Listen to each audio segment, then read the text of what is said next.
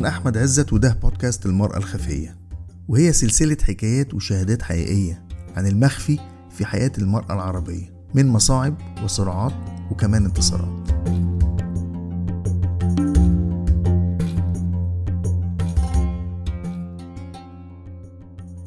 هي ميتو دي حملة لسه لسه في نقاشات على إمتى فعلا تاريخها بدأ حتى في أمريكا.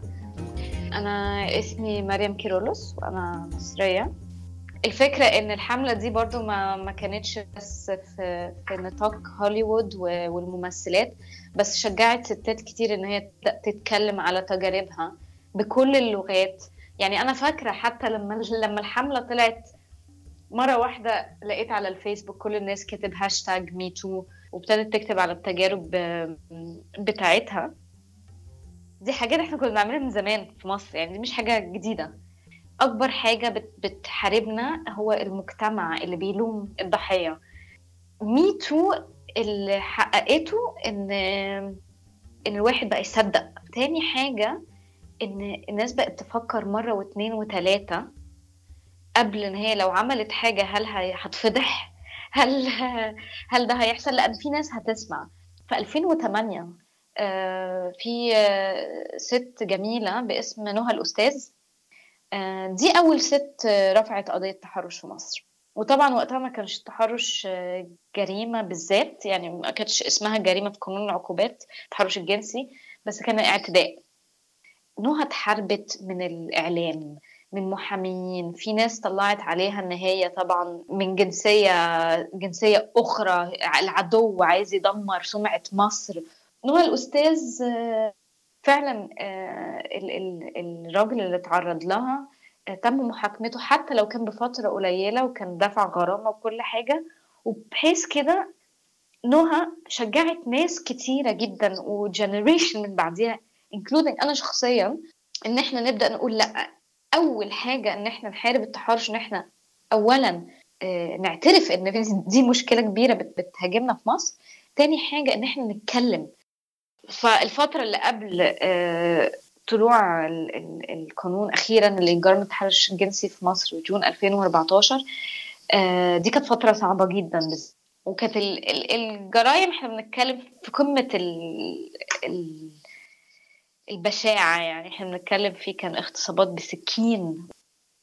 آه طلع قانون التحرش الجنسي وابتدى شوية نحس إن في في حركة وفي إرادة في إرادة سياسية إني نحارب التحرش الجنسي المجلس القومي للمرأة والمجلس القومي لحقوق الإنسان ابتدى يعمل آه حملات برضو تقول إن يعني كلمة أنا بالنسبة لي واحد من الانتصارات اللي حصل في الحملة ضد التحرش الجنسي هو إن إحنا بقينا نقول إنها اسمه تحرش ما هياش معاكسة. ففي الفترة دي كان في شوية كده أمل. ابتدى مرة واحدة حس إن الموضوع رجع تاني لورا بحيث إن هو في كذا كذا حاجة حصلت زي الفيديو بتاع ال 12 بتاع كانت فتاة اون أنا فاكرة الكيس دي لما طلعت فالدفاع عن الراجل ده كان فعلا حاجة تخض. وإن إحنا برضو تاني حاسة إن رجعت ثقافة إن إحنا بنلوم الضحية. أكتر ما إحنا نركز على على المجرم.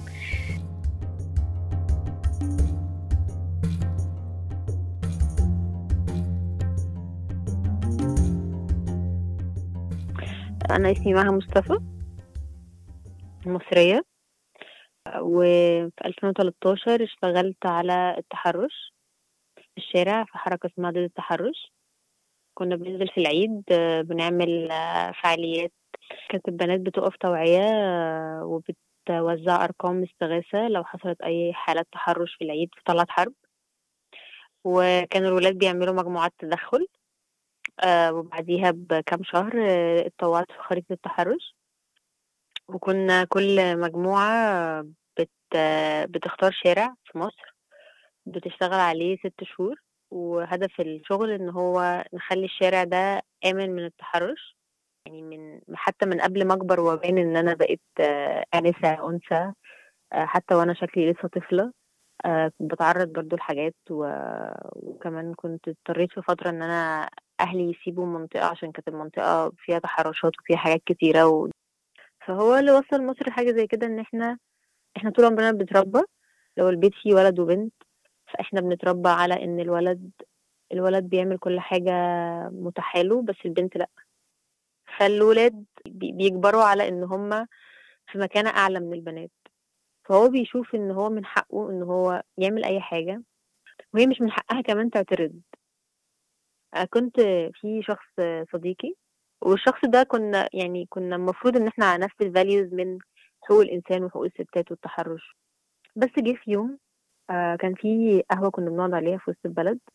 في بنت جت كتبت عند عليها على ال social media عندها إن صاحب القهوة ده اتحرش بيها أكتر من مرة وإن إحنا يعني وصاحب القهوة ده هو صاحب صديقي اللي أنا كنت بقعد معاه ده. وكان الغريب ساعتها إن صديقي اللي أنا وهو كنا بنتناقش مع بعض مناقشات فظيعة و... وإن هو مع جدا القضية والكلام ده كله قال إن البنت دي اتنشن هور وهي بتعمل كده على طول. الكلام ده مثلا كان من 3 4 سنين. كان قبل ما. ما اللفظ ده. ينتشر قوي دلوقتي زي دلوقتي إن attention whore إن الناس بتقول على معاناة ليها بتقول عليهم إن هم بي... بي seek وا لل attention أو seeking for attention يعني في موضوع on the run ده مثلا قالوا على البنت attention whore بس ال... ال... الولد عمل فيديوهات وعمل حاجات بعديها وما قالوش عليه إن هو attention whore يعني فطرق التصدي هي آه، إن إحنا نبدأ بدوائرنا زي ما بيوسموا كده البنت اللي بيتم التحرش بيها لأ يبقى في وصم بقى تصدي للأشخاص اللي هي بتقول لأ البنت تستحق أو هي اللي لابسة وهي اللي عاملة أو الكلام ده. تاني حاجة إن يكون في قانون بس يبقى في تطبيق للقانون بشكل بشكل أكتر يعني بشكل أحسن من كده. يبقى في إن هم يبقوا واقفين مع أي بنت تيجي تعمل محضر تحرش مش مش مثلا أخش الضابط فالضابط يقوم يفضل يبص على كل حتة في جسمي وفي لبسي علشان هو يشوف أنا أستحق ده أو ما أستحقش ده. آه وإن القانون كمان مش مش صارم بشكل يعني القانون بالنسبة لي مش مرضي يعني. آه ست شهور يعني دي ولا حاجة 3000 جنيه غرامه لو هو وأصحابه لموا من بعض هيدفع 3000 جنيه وهيخرج.